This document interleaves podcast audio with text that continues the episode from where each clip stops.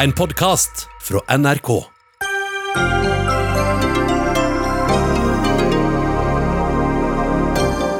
Vi skal skape mer, få flere inn i arbeidslivet og bli mer effektive, sa Erna Solberg da hun oppsummerte halvåret i dag. Hvordan skal vi klare det når flere havner på uføretrygd, oljeinntektene stuper og bedriftene nedbemanner? Søndagens presidentvalg i Polen blir avgjørende for landets retning framover. Kan Warszawas liberale borgermester vinne over den nasjonalkonservative presidenten? Vi kan ikke fortsette overforbruket av naturressurser, skriver kjente artister, forfattere, jurister og professorer. De vil ha et nytt miljøvennlig økonomisk system i Norge. Som vanlig peker de bare på problemene, svarer klima- og miljøminister Sveinung Rotevatn. Og sexologer og media heier på utroskap. Det mener det kristne nettstedet Tro og Medier.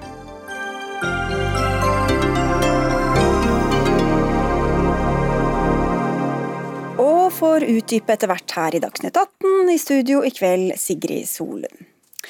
På minussiden en pandemi, 249 døde av covid-19, flere hundre alvorlig syke, økonomisk krise, veldig mange arbeidsløse, mangel på smittevernutstyr, ett parti mindre i regjering, en partileder i et regjeringsparti som trakk seg, stortingsvedtak på tvers av regjeringas politikk om bioteknologi, vindkraftoppgjør, ferjeopprør og klimademonstrasjoner.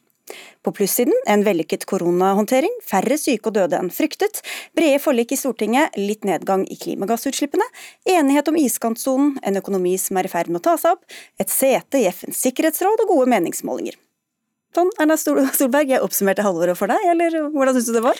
Eh, det er iallfall en beskrivelse av en del av de tingene som har skjedd i, i norsk politikk det siste halvåret. Det har vært et begivenhetsrikt eh, halvår, men det har liksom vært en sak som har overskygget nesten absolutt alt annet. Og det er selvfølgelig den saken som fortsatt eh, rammer hele verden for øyeblikket, eh, med økonomisk tilbakegang.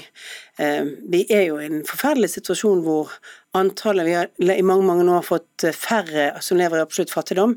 I år kommer eh, sannsynligvis 82 eh, millioner mennesker til å ramle tilbake inn i absolutt fattigdom i verden. Så det er jo en grunn til at det har vært overdøvende for det meste annet.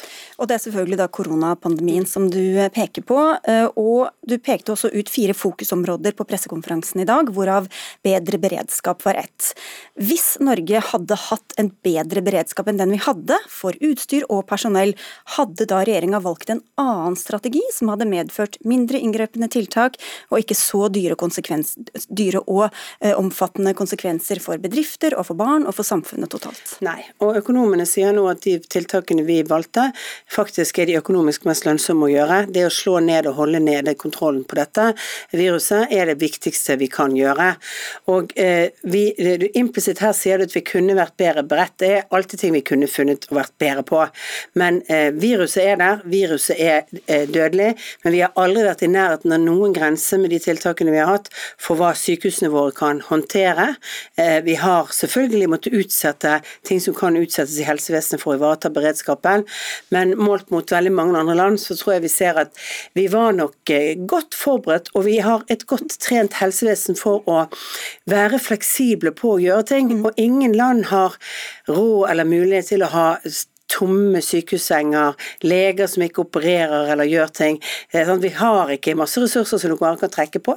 Faktisk så fikk vi masse flere ressurser, for det var mange folk som sa jeg er egentlig medisinsk utdannet, jeg kan faktisk stille opp i denne situasjonen. Men hvis vi hadde hatt mer smittevernutstyr da, f.eks.? Ja. Det var vel også med i beregningen for hvordan dere skulle legge opp denne strategien? Ja, men det var ikke med i beregningen på hvordan vi skulle lage strategien, det var ikke smittevernutstyret. For det, det jobbet vi jo med å få ordninger på.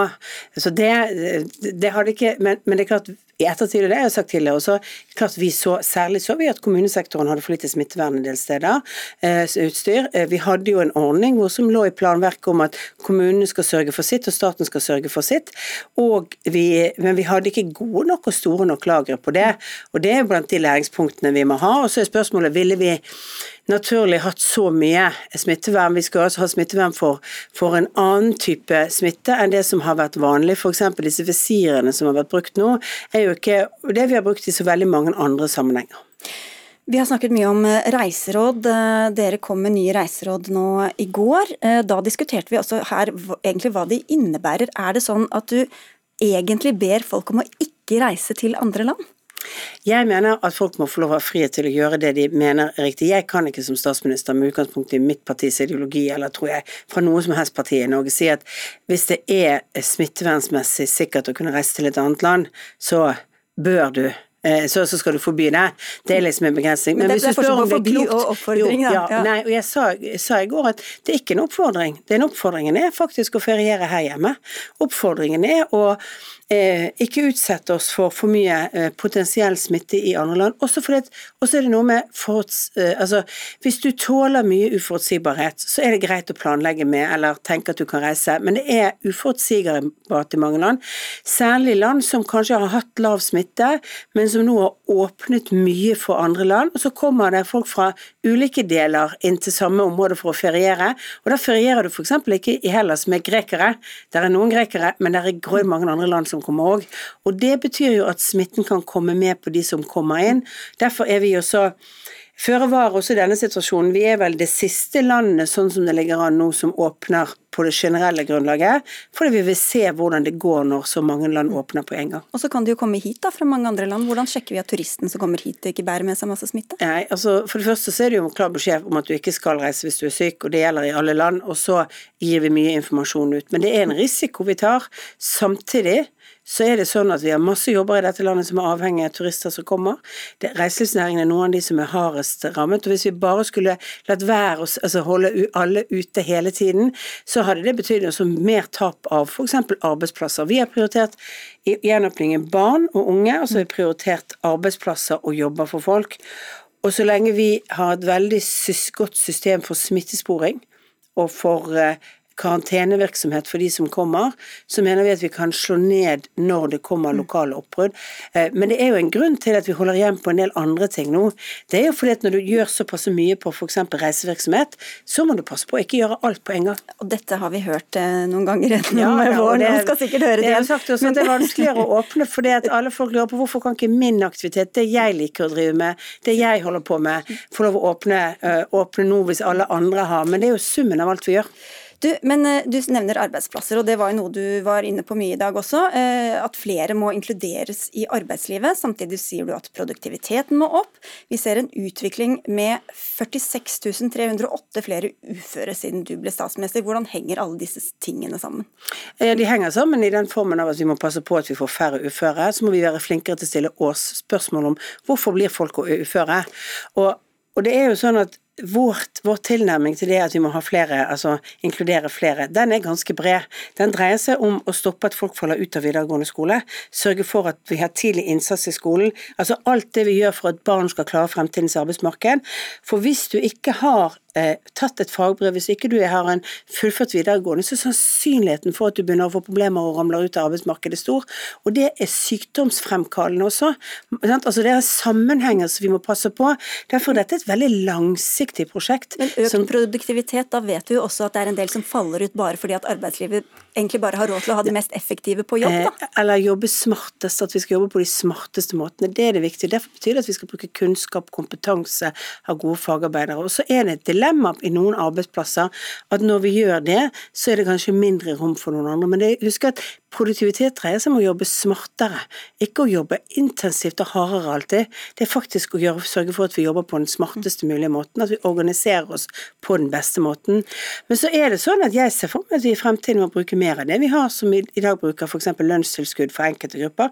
For det er mer lønnsomt å ha en person som kan jobbe eh, 80% og være i 100% stilling med litt subsidie til arbeidsgiveren eh, for å kunne klare det, for, for, å kunne stå i det, mm. enn at den personen, fordi det ikke finnes noen jobb du kan fylle med en 80% aktivitet, så havner du utenfor. Mm. Og så nevnte du i den forbindelse i dag at det eksisterer rasisme i arbeidslivet, og at det også kan holde folk utenfor. Og dette har jo vært en het debatt de siste ukene, hvor Frp sier at det ikke finnes strukturell rasisme i Norge. Mener du at det gjør det? Altså Jeg mener at det er vanskelig å diskutere disse ordene. Hva mener man med strukturell uh, rasisme? Jeg ønsker å snakke om det som er realitetene. Det finnes Det betyr vel at det er gjentatt, og at det, jo, blir, at det skjer altså, flere altså, ganger, poeng, at det ikke er tilfeldig det som blir rammet Poenget er at noen tror at dette er da veldig bevisst, og jeg mener at det finnes veldig mange ubevisste prosesser som foregår. Vi har alle med oss våre forutinntattheter, våre fordommer, eh, våre Ja, vi, vi tillegger andre folk veldig mye egenskaper som vi ikke har noe grunnlag for å gi dem. Det gjør vi om vi er mann og kvinner, eller om det er andre hverandre. Og det vi må være bevisst på, er at de slår også særlig ut på folk som har et fremmedartet navn. Og Derfor har jo vi nå et forsøk som pågår i staten, som dreier seg om at vi anonymiserer søknader. Skal vi se på den Vil det bety at de som ansettes er noen andre enn det du ellers ville gjort? Da gir det oss også en ganske god indikasjon på at disse fordommene som vi kanskje ikke er bevisste, og som de flinkeste og de mest De som tror at de tar minst hensyn til den typen andre utenforliggende ting, faktisk gjør. Og det vet vi jo, det er gode eksempler på det. Jeg tror det var, jeg var Berlinerfilharmonikerne som for noen år tilbake hadde blindtesting på når de skulle ansette. De ble anklaget for at de ansatte for få kvinner. og De mente de var best på Nei, det var bare faglig grunnlag. Når de gjorde blindtesting, altså sånn eh, eh, The Voice-opplegg hvor du ikke så hvem som faktisk var den som, eh, den som spilte, så ansatte de flere damer. Og alt dette dreier seg om det inntrykket vi sitter med. Og det er, kan for den som sitter i en situasjon og, og, opplever at jeg aldri kommer til et intervju, eller at uh, hvis jeg hadde hett Jensen istedenfor eh, Mahmoud eller et eller annet, så, så hadde jeg faktisk kunnet komme til dette intervjuet. Og de opplever at summen av dette er at det finnes rasisme i vårt samfunn. Og da er svaret egentlig ja, da? At det ja, finnes, men altså, det er viktig for meg å si det, er ikke, det er ikke sånn at det sitter masse folk rundt og være Nei, men ikke masse folk rundt Vi må passe litt på termene, for jeg vil ikke si at folk som sitter i en HR-avdeling er rasistisk pga. dette, men de er ubevisste det ligger vel heller ikke i det begrepet? Nei, men det, er viktig at man er typ, typisk på det. Det er ubevisst sine egne holdninger til det, og det der har jeg opplevd også i mange sammenhenger at uh, vi faktisk kan avsløre. Det har jo vært mange penger som har gått til disse krisepakkene i eh, år. Ifølge SSB så har det vært klart færre konkurser i år enn i fjor, mens i andre land i Europa, f.eks. i Sverige, har konkurstallet økt adskillig. Har dere tatt såpass hardt i at skattebetalerne nå holder kunstig liv i en del bedrifter som ellers ville gått dunken? Summen av permitteringsreglene og kontantstøtteordningen er veldig gunstig i Norge. Mye mer gunstig enn de er i de andre landene rundt oss. Eh, og det betyr at eh, nok noen bedrifter som eh, i andre land ville gått konkurs, ikke har gjort det i Norge. Hvorvidt det betyr at de ikke kommer til å være levedyktige når permitteringsendringene kommer til å være mindre når du kommer tilbake i en mer normal situasjon, det vet vi ikke. Eh, men, det kan se sånn ut fra tallene, da. Det kan, men det kan se sånn ut at vi har holdt liv, men vi har jo bevisst ønsket å holde liv i bedrifter, for, å, for det er så utrolig vanskelig å skape bedrifter.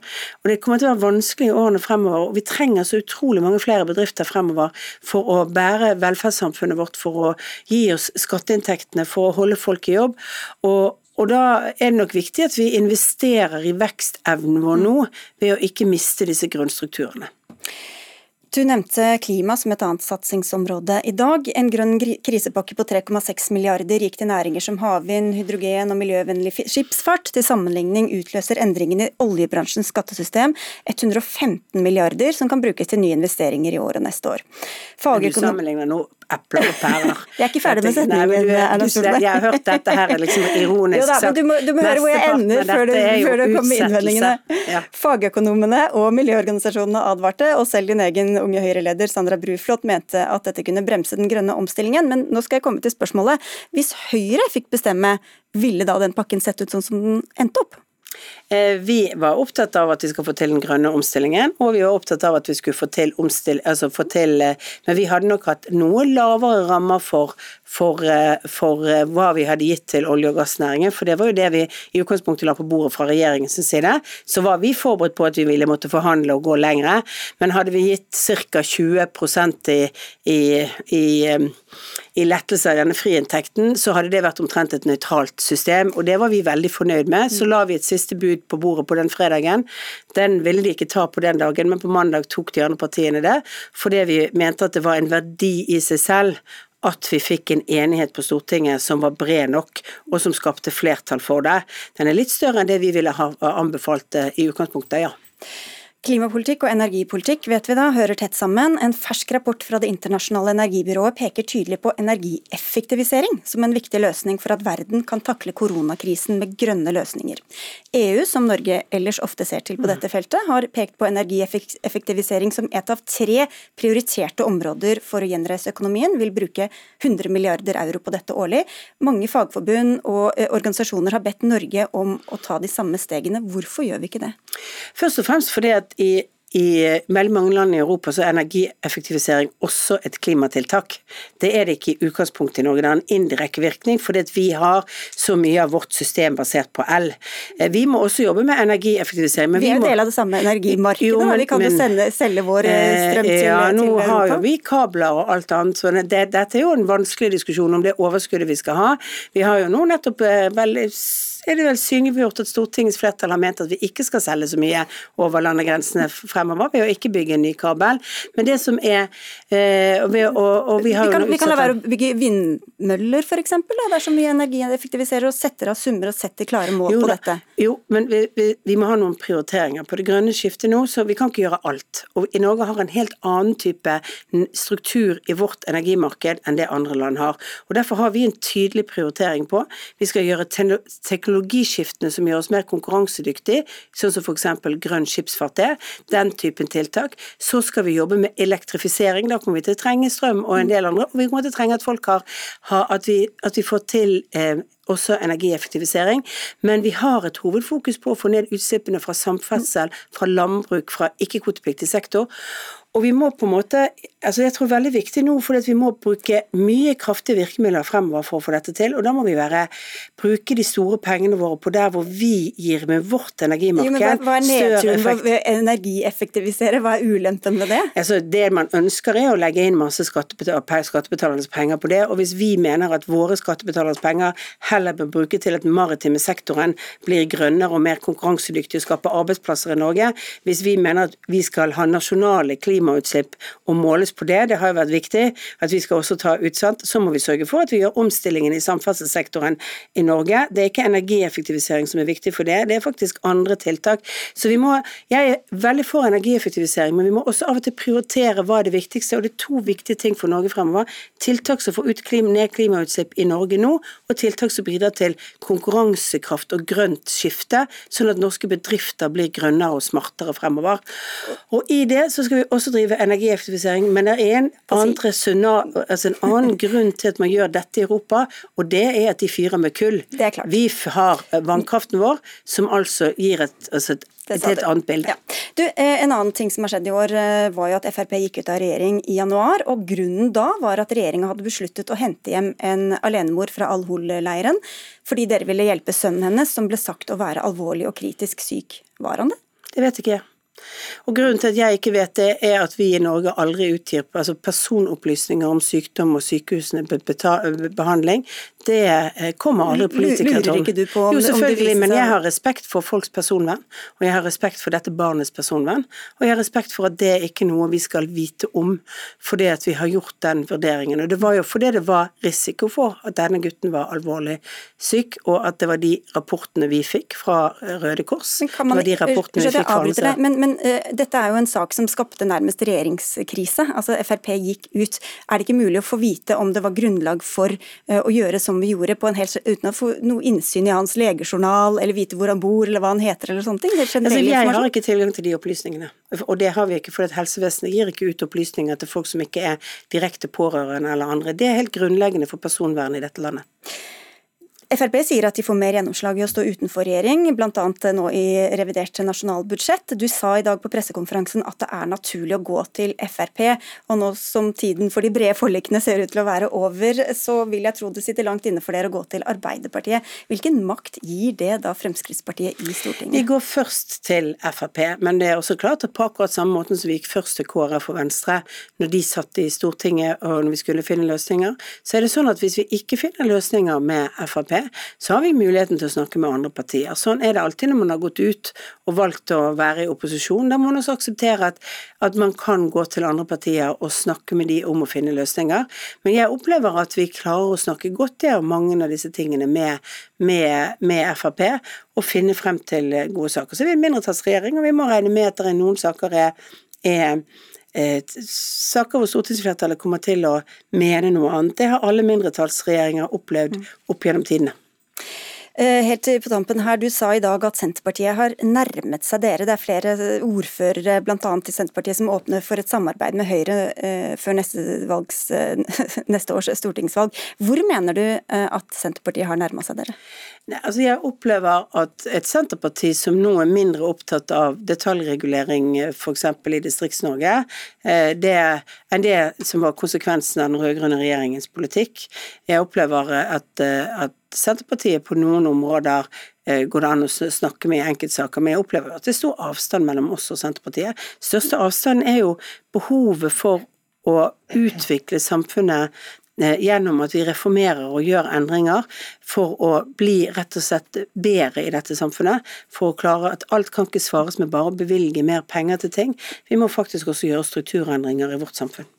Nå skal du vel ta ferie, kan du ønske god tur til Vestlandet?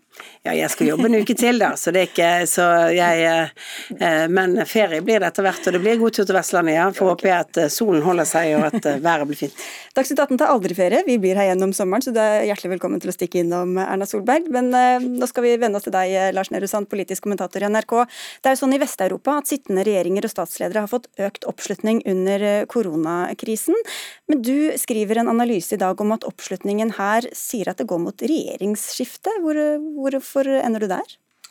Det er en eh, gjennomgang av eh, situasjonen på meningsmålingene nå i juni og over tid som eh, tilsier det. Det er jo ikke fordi Høyre som parti ikke gjør det bra, men fordi de to regjeringspartnerne som ligger rundt sperregrensen, over tid har ligget under og sjelden har gjort så gode valgkamper de, tre siste gangene at de har klart å få til den veksten de nå trenger de siste 15 månedene før valget. Og så er det at de tre, eller de fire partiene som nå utgjør budsjettflertallet, de eh, lekker såpass mye til Senterpartiet spesielt. Eh, og Det bærer også bud om kanskje en litt annen valgkamp enn den valgkampen hvor velgerstrømningen mellom Arbeiderpartiet og Høyre var den mest interessante. Og så var vi innom Senterpartiet her nå, og et mulig samarbeid. Hva er det Senterpartiet har truffet så godt på som Erna Solberg kan potensielt parere med? Eller parere? Ja, Det spørs om viljen til Høyre er å nødvendigvis kopiere Senterpartiet. Senterpartiets suksess har vært å være den eh, sterkeste motstanderen av regjeringens reformer. Eh, så Derfor så er det mye som tyder på at eh, de ikke kommer til å nærme seg hverandre sånn sett politisk. Jeg tror det er vanskelig å se for seg de to partiene i en regjering sammen. Men det jeg tror Vedum kanskje drømmer om, er en situasjon hvor Senterpartiet og Arbeiderpartiet er en mindretallsregjering som like gjerne kan se mot borgerlig side og Høyre, f.eks., som å se mot, uh, mot SV og, og, de andre partiene på rød side. Vi var innom eh, økonomien her, men vi kom ikke så mye innom uh, årene framover. Nå har jo regjeringa brukt mye penger i gode tider. Nå er det dårlige tider, og da er det vanlig med motkonjunkturpolitikk. Dvs. Si å pøse masse penger inn i budsjettene, samtidig som vi vet at vi må stramme inn. Hvordan kommer det til å prege politikken i årene som kommer? I verste fall vil det jo prege politikken for lite, men det er jo et håp da at eh, spesielt denne perspektivmeldingen som ser langt frem i, i horisonten for norsk økonomi, som kommer da før jul, utsatt som følge av koronakrisen, vil disiplinere partienes programkomiteer og landsmøter neste år, som skal lage et program for de neste eh, fire årene. Men halve neste stortingsperiode kan jo komme til å handle om senvirkninger av eh, de økonomiske konsekvensene av smitteverntiltakene. Så det er et det det, vil være nødvendig at partiene klarer å bruke mindre oljepenger i årene som kommer, helt klart. Men om de gjør det, vil tiden vise. Takk skal du ha, Lars Nehru Sand. Hør Dagsnytt 18 når du vil. Radio NRK.no.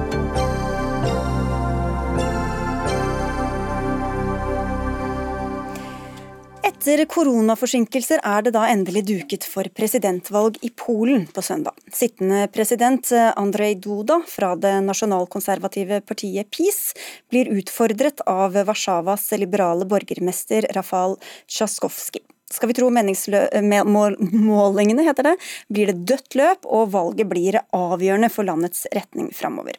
Jørn Holm Hansen, du er statsviter og seniorforsker ved Oslo OsloMet og har fulgt utviklingen i Polen. Hvorfor blir det så avgjørende hva som skjer nå på søndag? Det er avgjørende fordi Polen de senere årene har vært veldig polarisert i en fløy som har vært tilhenger av en mer europeisk vei, med forsvar for rettsstaten, individuelle rettigheter og sånn. Og regjeringen som har stått for det motsatte, drevet gradvis undergraving av uavhengigheten til domstolene, drevet til dels hatprat fra presidentpalasset osv. Mm. Fordi vi har jo fått drypp og, og, nyheter fra Polen eh, på du sier rettsvesenet, minoriteter, abort. Hva, hvordan, hvilke saker er det som har preget eh, utviklinga i den tida vi har bak oss nå? Ja, Det er disse tingene, særlig dette med undergravingen av rettsvesenet. Eh, kontroll over massemedia, kulturliv, eh, massemedier.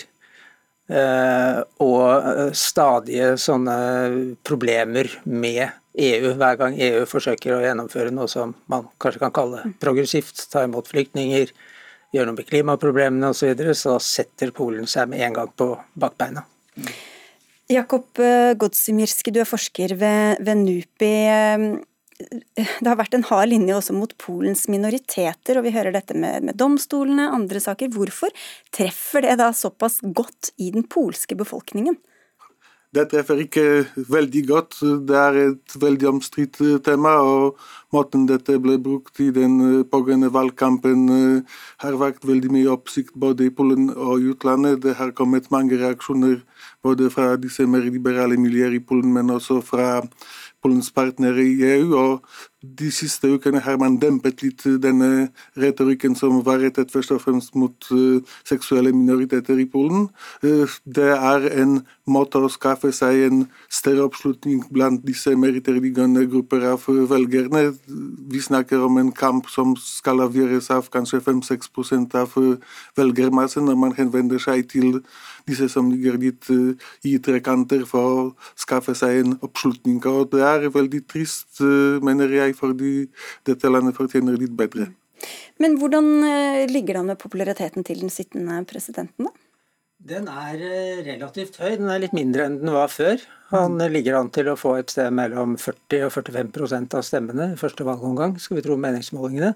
Og det er ikke nok til å vinne eh, første valgomgang. Da må man ha 50% eller mer.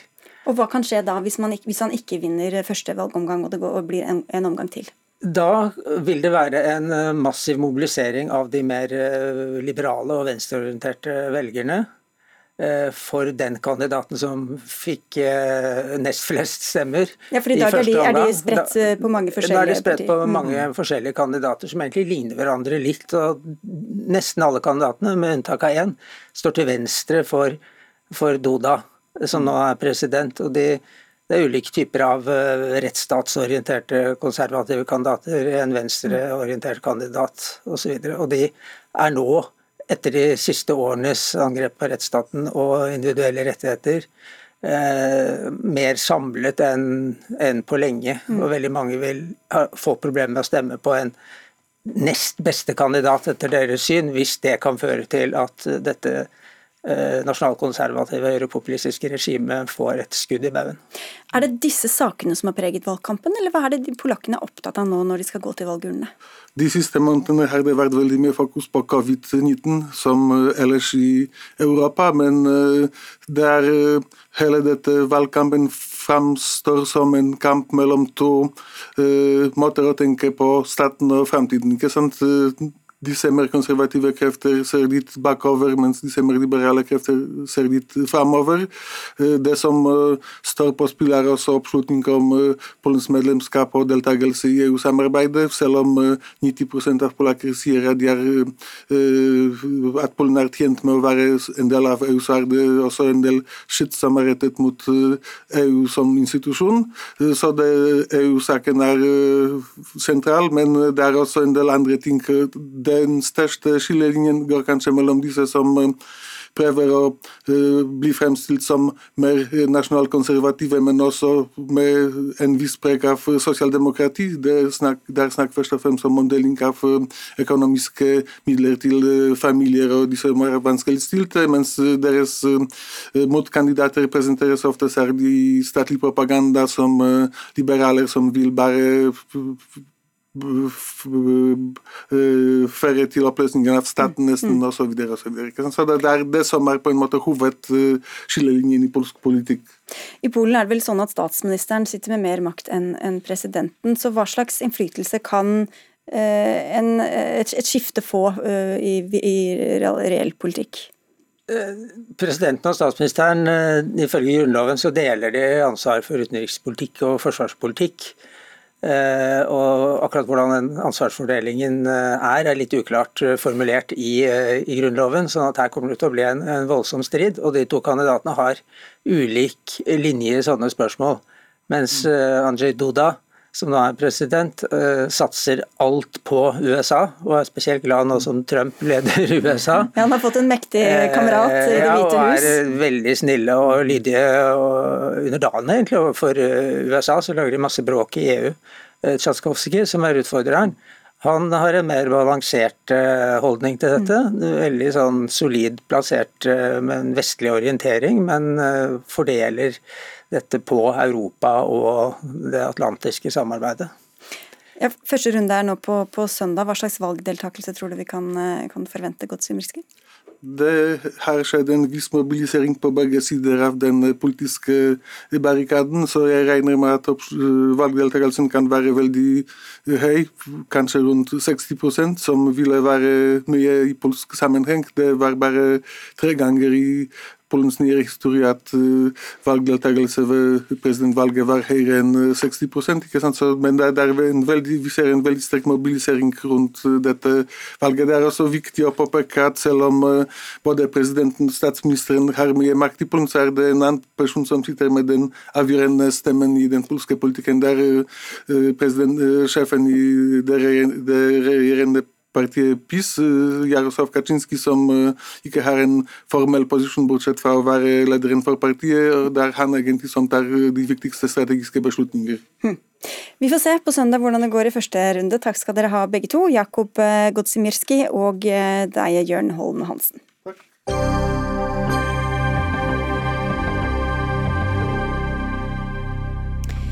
Mot slutten av denne Dagsnytt 18-sendinga skal vi diskutere alkoholavgifter, men før det til eh, det store bildet. Sigvart Dagsland har skrevet under, det samme har Thomas Hylland Eriksen, Gro Nylander, Cato Schjøtz, Vigdis Hjort, Ane Dahl Torp og en rekke andre tidligere høyesterettsdommer, politikere, biskoper, leger osv. osv. Til sammen har 75 profiler skrevet under på at Norge må endre sitt økonomiske system. De mener dagens profittbaserte forbrukssamfunn som bruker opp eller ødelegger naturressurser, må erstattes av et nytt system drevet av citat, kunnskap, skaperglede og samarbeid. Marte Wulf, du er en av artistene som har skrevet under. Hva er så galt med det systemet vi har her nå? Det som er galt med systemet, er vel at eh, profitt er høyeste mål, og at det ikke er, eh, tas hensyn til så veldig mye annet i det det systemet vi har nå, da. Og så er det et problem at uh, nåværende system hele tiden fremstilles som uh, det eneste mulige, og som uh, sunn fornuft. Fordi det ble etablert Det var egentlig en påstand fra liksom Margaret Thatcher og den nyliberale politikken tilbake for veldig, veldig mange år siden, som har på en måte satt seg så innmari, da. Sånn at det liksom ikke lenger er eh, noe åpenhet for å diskutere eh, andre, eh, andre muligheter. Det, liksom, det, finnes ikke noe alternativ, ble det sagt. Men det er både en påstand, og det er absolutt ikke fakta. Og vi må faktisk diskutere andre muligheter på nåværende tidspunkt. For det er ikke sunn fornuft å bruke mer enn du har, og det er ikke sunn fornuft å overlate problemene til barna dine, f.eks. Men da er det altså kapitalisme, markedsøkonomi, liberalisme osv. som du viser til? Evig vekst er på en måte en umulighet. Og da sier du at politikerne snakker mot bedre vitende. Hva, hva mener du med det? Uh, sier jeg det? Ja. Oh, ja. nei da. Ja, Hvis ikke du sier det, så sier du det ikke. Nei, jeg vet ikke. Altså, de sitter med samme faktagrunnlaget som jeg har, og jeg vil gå ut ifra at de også vil det beste, eller jeg håper de også vil det beste for liksom menneskeheten som helhet. Og nå er på en måte situasjonen så alvorlig og grunnleggende eh, truende at, at, jeg ikke helt forstår eh, det, Nå har det vært liksom gjeldende, det gjeldende systemet i opp mot 40 år. Og det blir på en måte bare verre og verre. De negative konsekvensene, da, at, at vekst og profittmaksimering er, er, det viktigste, eh, er nå så tydelige, eh, også her, men særlig selvfølgelig i eh, andre deler av verden, at, at de må det, det, det, er på en måte bevisbyrden begynner å skifte, da. Vi skal høre med deg, Sveinung Rotevatn, klima- og miljøminister. De som skriver under på dette oppropet, mener altså at vi må bort fra dagens vekstdrivende system, som vi hørte her. Er du enig? Jeg er enig i mye av problemskildringa i den kronikken de har skrevet, nemlig at vi har en klimakrise vi må stoppe, vi har en naturkrise vi må stoppe, og det krever tøffe politiske grep. Eh, så jeg syns de setter fingeren på en riktig problemstilling som jeg jobber med hver eneste dag.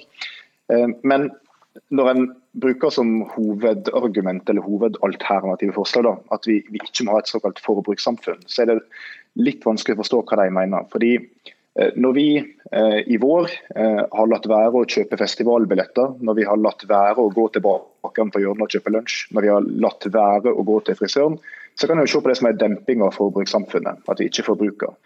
Eh, men, men, det fører jo til at folk går konkurs. Vi lever alle av å selge varer og tjenester til hverandre. Det er slik folk blir sysselsatt, enten man er musikere, eller forfattere eller industriarbeidere. Så Det å liksom si det å forbruke noe i seg selv, enten det er vare eller kulturopplevelse, det, det, det, gir ikke så masse mening, slik jeg ser det. Men hvor godt egnet har dagens system vist seg å være for å løse klimakrisen og ta vare på sårbar natur? Så hva jeg mener med dagens system, I den grad vi har et system i Norge, så er det at vi har et liberalt demokrati, eh, og der vi har en blandingsøkonomi. Ehm, jeg har ikke sett så veldig mange alternative samfunnsmodeller, enten de er organisert på sosialistiske premisser eller andre, som har vist seg å møte natur på en bedre måte, snarere tvert imot. Jeg tror at vi må jobbe innenfor rammen av demokratiet eh, for å klare å også ta vare på naturen, for å stoppe klimakrisa. Og heldigvis er det jo slik at det er jo i de liberale demokratiene i Vesten, i EU, i Norge at klimagassutslippene går ned, og at vi har fått en høyere bevissthet rundt viktigheten av å ta vare på natur. Men vi er langt fra i mål, og vi, vi må gjøre mye mer. Ja, eh, altså eh, når han sier, eller når du sier Eh, det er jo ikke demokratiet vi stiller spørsmålstegn ved i det hele tatt. Snarere det at eh, hvis vi ikke kan diskutere selve systemet, så hva så med demokratiet? Fordi da blir vi jo helt fullstendig låst i det samme systemet som har skapt Altså, det har gjort veldig mye godt. Kapitalismen har absolutt løfta mange ut av fattigdom og, og, og, ført mange gode ting med seg, men de negative konsekvensene er eh, drepende, på en måte. Og Hvis vi ikke kan diskutere selve systemet, så er det jo ikke lenger et demokrati. Vi skal få med en til som er skrevet under på oppropet. Iver B. Neumann, du er statsviter, sosialantropolog og forsker. Dette nye systemet som er drevet av kunnskap, skaperglede og samarbeid, hva går det egentlig ut på? Ja, Det skal vi jo finne ut. da. Hele poenget er å ha en debatt om dette. Det er jo veldig liksom, småskårent over debatten. Altså, Kjøpe en sjokolade under, under, under covid-krisen, eller lage en sykkelsti. Altså, dette er ikke måten å redde denne kloden vi bor på på. da. Altså, Hvorfor ikke ta en debatt om litt mer større ting? Av typen skal vi ha en skatt på finanstransaksjoner over landegrensene f.eks.? Eller eh, skal vi sette i gang eh, og tenke sånn som vi gjorde på 90-tallet, at vi bruker mye mer penger på miljø andre steder enn i Norge, der hvor de har mer effekt? Eller skal vi bare grave oss inn her? Altså, Rotevatn nevner at det ikke er noe alternativ. Altså, jeg hadde ventet litt mer fra en venstrepolitiker enn som så. Altså, på 70-tallet så snakket Venstre om en ny økonomisk verdensorden. Det var litt mer smell i ideene, det var litt mer pang. Det savner jeg nå. Og du, Vi kan la Rotevatn få se om han har noe pang og smell i seg her og nå. Jo, men eh, nå er vi inne på et godt spor, for nå snakker vi om konkrete ting. Jeg er veldig med på å diskutere en skatt på finanstransaksjoner. Da trenger vi overnasjonale mekanismer for å gjøre det, slik en har i EU f.eks. Jeg er veldig for at vi skal bruke mer ressurser enn i dag på å innføre kraftige klimatiltak i andre deler av verden, slik Norge bl.a. gjør. ikke sant? Altså, vi har jo bidratt til å bevare regnskog i Brasil som tilsvarer 70 ganger Norges årlige utslipp, fordi vi har prioritert det. Jeg vil diskutere alle sånne ting, og vi må ha mer av det. Men å si at det representerer et systemskifte eh, altså, jeg tror Vi skal liksom heise opp at vi skal ha et alternativt system, som jeg nesten forklarer hva det er. Jeg synes ikke det er en veldig interessant debatt, men å diskutere konkret klima- og miljøpolitikk det er hver eneste dag, og gjerne også med de to som er her i studio. Ja, for Det kan man vel gjøre inn, inne i det systemet vi har, da, Neumann, at vi innfører, bruker markedsmekanismer og andre kapitalistiske virkemidler? Ja, ja, ja. Det er klart man kan det. Altså, la meg gi et eksempel fra krig og fred-debatten. Kvekerne respekterer jeg ekstremt høyt. De er mot uh, krig, men de bruker enorme typer krefter på å komme opp med helt konkrete ideer om hvordan man skal unngå krig, og hvordan det skal bli mindre dødelig. Og Det er viktig, uh, en viktig debatt. Men det er jo også en debatt å prøve å finne ut hvordan man skal unngå krig totalt. Og På samme måte så må man jo kunne greie å, å, snakke om hvordan man skal kunne få forbruket ned, og ikke som. For, for å ta et helt tilfeldig valgt eksempel, Venstre så snakker om at vekst, grønn vekst skal løse alle problemene. Igjen, det var ikke det Venstre sa på 70-tallet. Da var det nullvekst man snakket om. Her har det gått bakover. Og dette er jo også det samme som FN naturpanel sier, Rotevatn, som du vel ellers lytter til. I en rapport i fjor så sa de at vi må vekk fra paradigmet om økonomisk vekst og se på tilnærminger til alternative modeller og måter å møte økonomisk velstand på.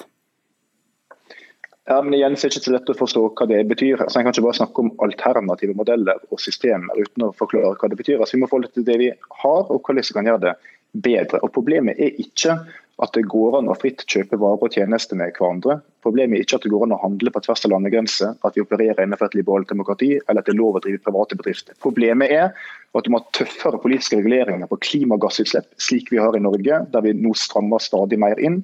Vi må ta mer vare på naturen vår, slik vi gjør i Norge. Altså bare Denne veka har jeg opprettet ni nye marine verneområder og 30 naturreservat. Vi jobber steg for steg for å ta vare på naturen, for å kutte utslippene. Det er det som er ekte naturpolitikk, klima- og miljøpolitikk. Å snakke om noen alternative system som en ikke vil definere selv, det blir litt sånn tenke-tanke-diskusjoner. Så jeg tenker at jeg får holde på med der, og ikke i politikk. Hva ser du for deg, Wulf, hvordan dette nye systemet skal skal oppstå, og hva det skal inneholde som ikke vi har i dag? Uh, nei, altså jeg, får, jeg, lurer litt på om, om, han faktisk tror på det han sier selv her, i og med at dette systemet har fungert, uh, vært gjeldende i såpass mange år, og det blir bare verre og verre fordi vi, vi er avhengig av vekst. Eh, og det sier seg selv at det ikke er mulig, for du kan ikke fristille økonomisk vekst og ressursbruk. Og vi har begrenset med ressurser, så et økonomisk system må være regenerativt. Altså du kan ikke bare ta uten å bygge opp, og det må være, det må være Ja, selvfølgelig, det må, det må være gjenbruk, og det må være vi, vi har tredobla forbruket vårt siden 70-tallet. Da var vi fornøyd, på en måte. Da var det veldig bra. Eh, vi, vi, har så ufattelig mye mer enn vi trenger, og oppfordrer folk til å fortsette å trenge, ønske mer. Det gjør ikke noen lykkelige, og det er ikke Men, nødvendig. Da kan dere bare stemme på systemkritiske partier, da? Partier ja, det er ikke så mange av de. Eh, det er faktisk veldig få av de. Det er noen, et par eh, små, og det kan vi gjøre, men vi må gjøre mer. Og jeg snakker som kunstner, og jeg syns at folk som er vant til å tenke kreativt og alternativt, må komme tydeligere på banen og få være med i denne diskusjonen. Ok, Kort innpå Neumann før vi slipper til Rotevatn helt på slutten her. Ja, Et eksempel på hvordan man kunne gjøre det, var f.eks. å ha gratis eh, offentlig kommunikasjon i dette landet. Altså Istedenfor at partier av typen De Grønne i Oslo skal, er bare opptatt av å øke prisen på offentlig kommunikasjon, så kunne man si ålreit, offentlig kommunikasjon er gratis. Det ville vært et slag mot bilismen, det. Litt større vyer altså, Rotevatn, enn bare å flikke på det systemet dere har? Vi gjør det flott, men klimaet og naturen har ikke til studiesirkler om alternative økonomiske system. Det krever handling nå. og Bare for å plukke opp den ballen som Neumann nå la fra seg. Vi må jo investere i kollektivnettet vårt. Derfor har f.eks. jeg og denne regjeringa styrka jernbanebudsjettet med 90 Nå er det 100 millioner flere som reiser med kollektivreise under denne regjeringa enn under den forrige. Og Det er ikke for deg som argumenterer for den ene regjering enn den andre regjering, men det er for å si at det er gjennom konkrete bevilgninger vernevedtak, tydelige planer, at vi tar vare på naturen og sikrer klimaet vårt, ikke gjennom studiesirkler om alternative økonomiske Ok, Dere ville sette i gang en debatt, og det fikk dere til. Jeg vil gjerne bort fra en sånn nedlatende holdning overfor de som mener noe annet, da, fordi det går på bekost. Det, faktisk, det, det tar faktisk demokratiet. Det, det, det, er, eh, det er ikke bra. Det er negativ og en skummel utvikling å snakke sånn om folk som mener noe annet. Dere, vi skulle gjerne ha fått en avslutning fra deg, Rotvod, men vi må nesten fortsette videre i sendinga. Takk skal dere ha, alle tre. Iver B. Neumann, Sveinung Rotevatn og Marte Wulf.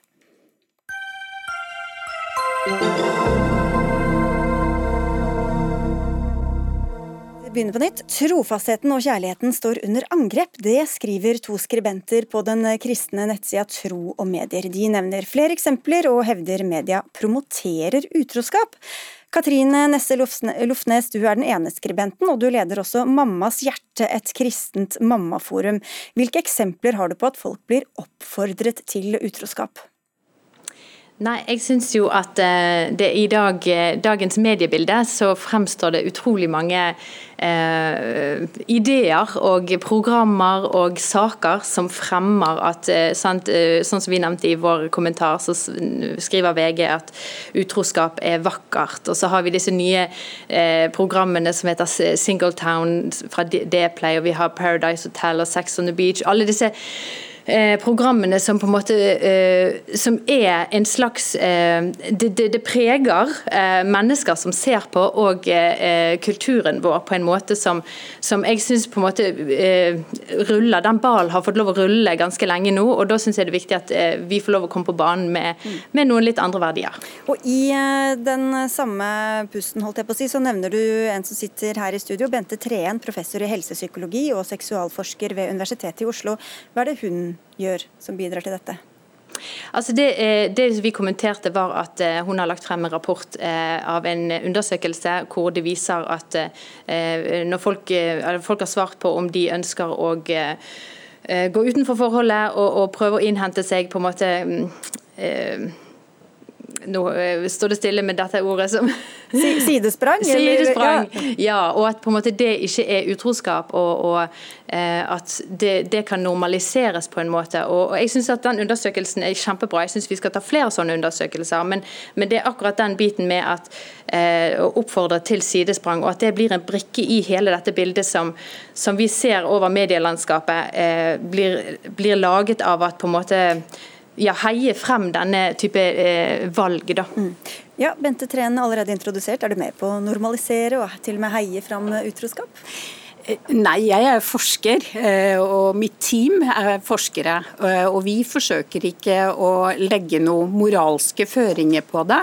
Eh, det vi har gjort denne gangen, er å lage litt bedre spørsmål, fordi en stor internasjonal litteratur viser at utroskap ikke alltid er utroskap. Så vi har skilt mellom det å ha sex med en annen med og uten fast partners samtykke. Så det jeg har skrevet skrevet om, er det. Men hva er forskjell? Altså, og da er det det du kaller sidesprang. Det er hvis du forteller partneren og får en slags godkjennelse derfra, og utroskap er når du gjør det i skjul. Ja, for utroskap er en eh, merkelapp eh, som har en veldig sterk moralsk føring på seg, og det mener jeg ikke vi skal ha når vi driver med sexforskning. Vi skal være åpen for et mangfold. Og hvorfor skal ikke mediene skrive om alle kriker og kroker av menneskelig seksualitet, Lofnes? Jo, altså jeg er, Nå er jo vi Jeg syns mediene skal, skal, få lov å skrive og fortelle en historie, eh, og det er veldig viktig det som kommer frem i media. Men jeg syns det er et veldig ensporig eh, fronting av verdier som kommer frem. Og det jeg savner er et bilde av at, eh, at kjærlighet og, og, de familiene vi ønsker å styrke i samfunnet i dag, skal være bygget på noe annet enn en seksual tilfredsstillelse og, og at kun ha et godt sexliv. For et forhold er så mye mer enn det. Det er sikkert alle enig i. Men du, du sier at du frykter en, en smitteeffekt ja, det er jo noe med det at når, når, man setter på sånne gode følelser som lykke, eller uh, at uh, Sånn som når det kommer til dette TV-programmet som vi òg adresserer i kommentaren vår, som heter Singletown, som kommer til tror det høsten, uh, så, så, er jo det rett og slett laget for å vise at man kan bryte opp et forhold, man kan gå ut og innhente seg andre erfaringer, opplevelser, og så sjekke om det er mye bedre enn det man hadde. Og, og når man viser det på den måten, måten og sprer det ut, så vil det jo være en slags Å ja, da, da, da, er det lov å prøve. Da kan det være noe som jeg har i bakhodet mitt, at hvis det går trått og hvis vi har en tørkeperiode, så er det noe jeg har lyst til å prøve. Og det, det syns ikke jeg er sunt og bra. Ja, jeg vil jo si det at eh, nordmenns holdninger til utroskap er akkurat like restriktive i dag som de var for 30 år siden. Så nordmenn flest heier ikke på utroskap. Eh, og hadde det vært så enkelt eh, at det bare var var å vise noe i media som handler om seksualitet i forhold til at folk endrer vanene sine, så hadde vi som driver med helseopplysning hatt en ganske enkel jobb. Men eh, det som vi ser, det er at det vi aksepterer, det er det vi opplever som normalt og naturlig og godt. Det syns vi er fint, og det vi opplever som unaturlig og unormalt, det vil vi ikke ha. Men, men hvis det da å være utro eller ha sidesprang eh, framstilles som, som, positivt eller naturlig, eller i hvert fall eh, vanlig, da, så, så, gjør jo det skrittet kanskje mindre for, eh, for, andre også å ta det? Nei, det tror jeg ikke. fordi det vi ser, eh, vi har målt dette helt siden 1987, det er stabilitet. Det er ikke flere i dag som er utro enn eh, en i 1987, når vi hadde den første store seksualvaneundersøkelsen.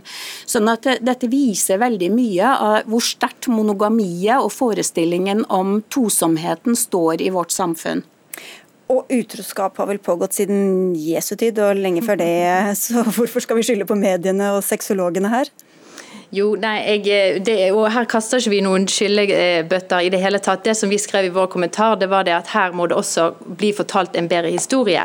Og Her må vi også få frem eh, hjelpeverktøyene, sånn at sidesprangene ikke blir nødvendige. Eh, og Det er det jeg brenner for, det er det jeg jobber for. Mm. Og, og Det er det vi har laget nå, eh, nettkurs. og vi har, vi har, jobbet i to år med å, å, være til stede på Snap og Instagram og på alle sosiale medier for å spre denne her, et håp om at man faktisk kan få det bra i det forholdet man har så man da slipper å gå utenfor forholdet for å finne eh, en tilfredsstillelse eller en lykke da, som, som man ønsker.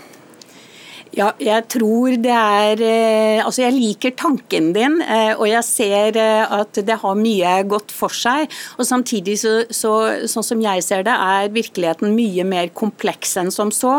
Det er veldig dyptpløyende psykologiske ting som ofte ligger til grunn for et sidesprang. Det er ikke noe vi planlegger å, å gjøre, det er noe som ofte skjer. Men det skjer aldri uten at det er en motivasjon. Nå snakker du om utroskap, da? Eller var det sidesprang? Ja, om ja, ja. Fordi fordi, altså det er en ganske avansert øvelse å ha eh, et sidesprang med tillatelse fra mm. partneren. Da skal du ha utrolig god kommunikasjon. Og det ser vi også i dataene våre, at de som får tillatelse til å være utro, opplever seg veldig, veldig intime med sin faste partner. Jeg vet ikke om det var det du ville høre på slutten her, Lofnes, men det var det du fikk. Takk skal du ha for at du var med fra Bergen, og takk til deg, Bente Treen, professor i helsepsykologi.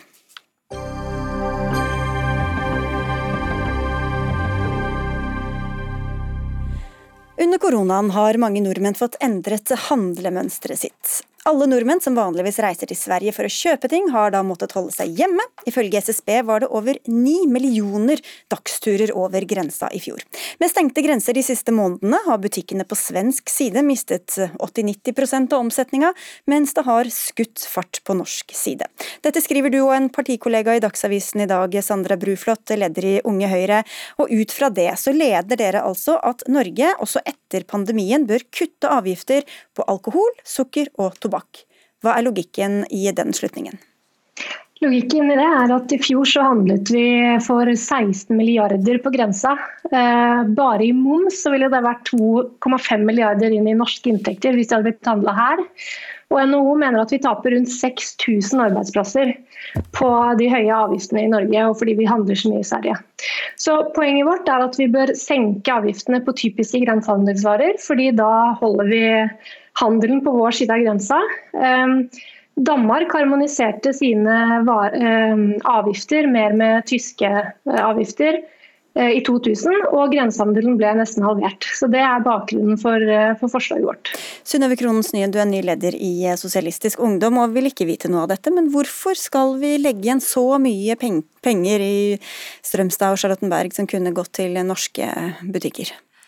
Jeg er enig med Unge Høyre i at det er bra å få ned grensehandelen, men jeg tror deres forslag kun vil øke det totale alkohol- og tobakkskonsumet i Norge. Og jeg mener vi heller burde fjerne taxfree-ordningen og redusere innreisekvota, så man regulerer hvor mye alkohol og tobakk man kan ta med seg over eh, grensa. Men det er jo ikke taxfree når man kjører over grensa til Sverige, så hva løser det? Nei, det at eh, jeg mener at økt grensehandel er jo en direkte konsekvens av den politikken Høyre og Frp har ført i regjering. For 1.7 i 2014 økte Høyre- og Frp-regjeringen innreisekvota for de som ikke benytter seg av tobakkskvote. Altså man kan ta med seg mer alkohol over grensa, enten det er taxfree eller fra Sverige. Og Det gjorde at salget på taxfree og grensehandelen i Sverige økte. Så Høyre og Frp sin politikk var en gavepakke for Systembolaget. Ja, Dere kan takke dere selv, Bruflot. Ja, eh, det er jo vår regjering som eh, også har disse avgiftene, så det er jo ingen tvil om at jeg er uenig med min egen regjering på noe av dette. Men dette handler jo ikke om taxfree. Det at vi har endret litt på, på, at man får ta med seg mer vin hvis man ikke kjøper tobakk, det, det har ingenting med dette å gjøre. Eh, Opinion hadde en eh, måling nå under korona på folks alkoholvaner som viser at vi verken drikker mer eller mindre under korona. Eh, hvis det hadde vært sånn at avgiftene skremte folk fra å kjøpe alkohol, så skulle man jo tro at alkoholkonsumet gikk kraftig ned. Men det har det ikke gjort. Og Økningen i salg på Vinmonopolet i Norge viser jo også ganske tydelig at det er polvarer som gjør at folk reiser over grensa for å handle. Og en ting er de som har råd til å fly fram og tilbake og ta med seg taxfree på vei hjem, men dette handler jo ikke om de. Det handler om at nesten en million nordmenn reiser til Sverige for å handle og at vi legger igjen ekstremt mye penger, eh, og at det er veldig mange arbeidsplasser som kunne vært i Norge. Så Det er jo fristende å spørre hva SU foreslår at vi kan gjøre i stedet, da. Ja, jeg, jeg, jeg, for å kan, holde de pengene hos oss. Ja, fordi så lenge vi uansett kjøper alt snopet og all snusen og all vinen, så er det vel bedre at vi gjør det i Norge? Ja, absolutt. Og det er nettopp derfor jeg mener man bør ha, redusere innreisekvota, sånn at man tar med seg mer over grensa. Og da mener jeg at det er ikke nok å bare se på grensehandel i Sverige, man må også ta med seg taxfree inn i det store bildet. For totalsummen av det henger sammen. Og, Men bare for å sjekke, er SU sin løsning lov til å reise til Sverige og handle lovlige varer dersom du er over 18 eller 20 eller hva aldersgrensen er. Ja, så dere, de at dere ikke vil ha noen kvote i det hele tatt, eh, nærmest? Er det sånn? Nei, vi vil redusere den kvota, sånn at flere kjøper de varene i Norge. Jeg er enig med Unge Høyre i at det er bra for å skape norske arbeidsplasser. Men jeg mener at deres forslag om å redusere avgiftene er dårlig helsepolitikk i Norge. Fordi de bare ser på dette som næringspolitikk og ikke helsepolitikk. Altså, bare, Sandra Fruflot, vi vet jo, Du viste til, til uh, tallene nå, men vi vet jo at det er en sammenheng mellom pris, mellom avgifter og tilgjengelighet, og hvor mye folk røyker og drikker. Rusmiddelforskere internasjonalt anerkjente har plassert tobakk som den viktigste risikofaktoren for tap av friske leveår, med alkohol på andreplass. Hvordan kan dette forsvares i et folkehelseperspektiv? Ja, Når 900 000 likevel reiser over grensa for å handle, så mener jeg det kan forsvares. Eh, og Et annet paradoks med dette er jo at vi har Vinmonopolet, et monopol som jeg vil tro at også SV er veldig veldig for, som til og med Høyre, som i utgangspunktet er mot monopol, kan si er veldig bra.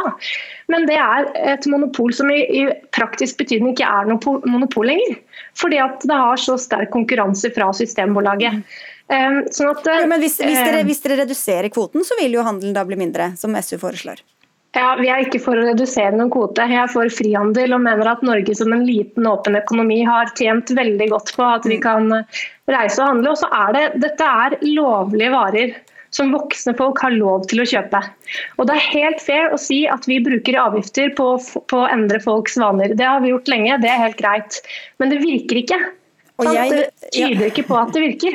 Og jeg husker også at Kristin Halvorsen økte den kvoten i sin tid. Det skal jo du få slippe å svare for, uh, Snyd. Men skal Norge leve som en, som en øy i verden her, da, eller? Nei, Norge skal ikke være en eh, øy i verden, men dette her er også et klimaspørsmål for meg. Og regjeringen sin avgiftspolitikk har vært med på å skape økte klimagassutslipp. Ja, men nå snakker du om taxfree-en. Ja, men det henger jo sammen. Det er jo heller ikke bra for klimaet at folk setter seg i bilen og kjører langt for å handle i Sverige. Det tror jeg jeg det er, vel ikke det er vel ikke så mange som kjører fra Bergen og over til eh, Stockholm for å handle vin. Det er jo de som bor langs grensa uansett. Men i et klimaperspektiv, da. I et klimaperspektiv, er det bra at vi har 9,8 millioner dagsturer til Sverige for å handle varer fordi avgiftene er så høye? Det er jo noe av paradokset her. Vi får økte Eh, utslipp av det. Og vi bruker penger som kunne blitt lagt igjen i Norge på mm. varer som uansett blir kjøpt. Og Det er paradokset med dette, og det er poenget med at hvorfor man bør senke avgiftene. Men Bruflot, det er jo mange land som har handelslekkasjer. Danskene drar til Tyskland, svenskene drar til Danmark og til Tyskland, nordmenn drar til Sverige. Så hvis alle skal justere sine avgifter ned til det konkurrerende landet, hvor ender vi da? Ja, Det er en litt sånn utopi, eh, kanskje. Altså, Danmark for eksempel, da, som du trekker fram som et eksempel, de har jo nettopp harmonisert mer med Tyskland for å slippe handelslekkasjen. Og Jeg mener ikke at vi kan stoppe verken frihandel eller handelslekkasjer totalt, men det er bare så innmari høye tall. Det er så veldig mange milliarder og så veldig mange arbeidsplasser. Og det er jo bl.a. fordi at vi har de høyeste avgiftene i verden. Snyd, ti sekunder på tampen her. Ja, Finland reduserte også alkoholavgiftene for å redusere grensehandel til Estland, og konsekvensen av det var at alkoholkonsumet økte. Og Det mener jeg er dårlig helsepolitikk, og jeg mener det er bedre å redusere kvota, sånn at folk kjøper alkohol og tobakk i Norge istedenfor å reise til Sverige. Da tror jeg begge har fått eh, på plass poengene sine opptil flere ganger. Takk skal dere ha begge to. Synnøve Kronens Nyen, som altså er leder i Sosialistisk Ungdom, og Sandra Bruflot, leder i Unge Høyre. Dagsnytt 18 tar helg. Det var Odd Nytrøen som hadde ansvaret for dagens sending. Lisbeth Sellereite hadde det tekniske ansvaret. Mitt navn er Sigrid Solund, og vi ønsker alle en fin kveld og en god helg.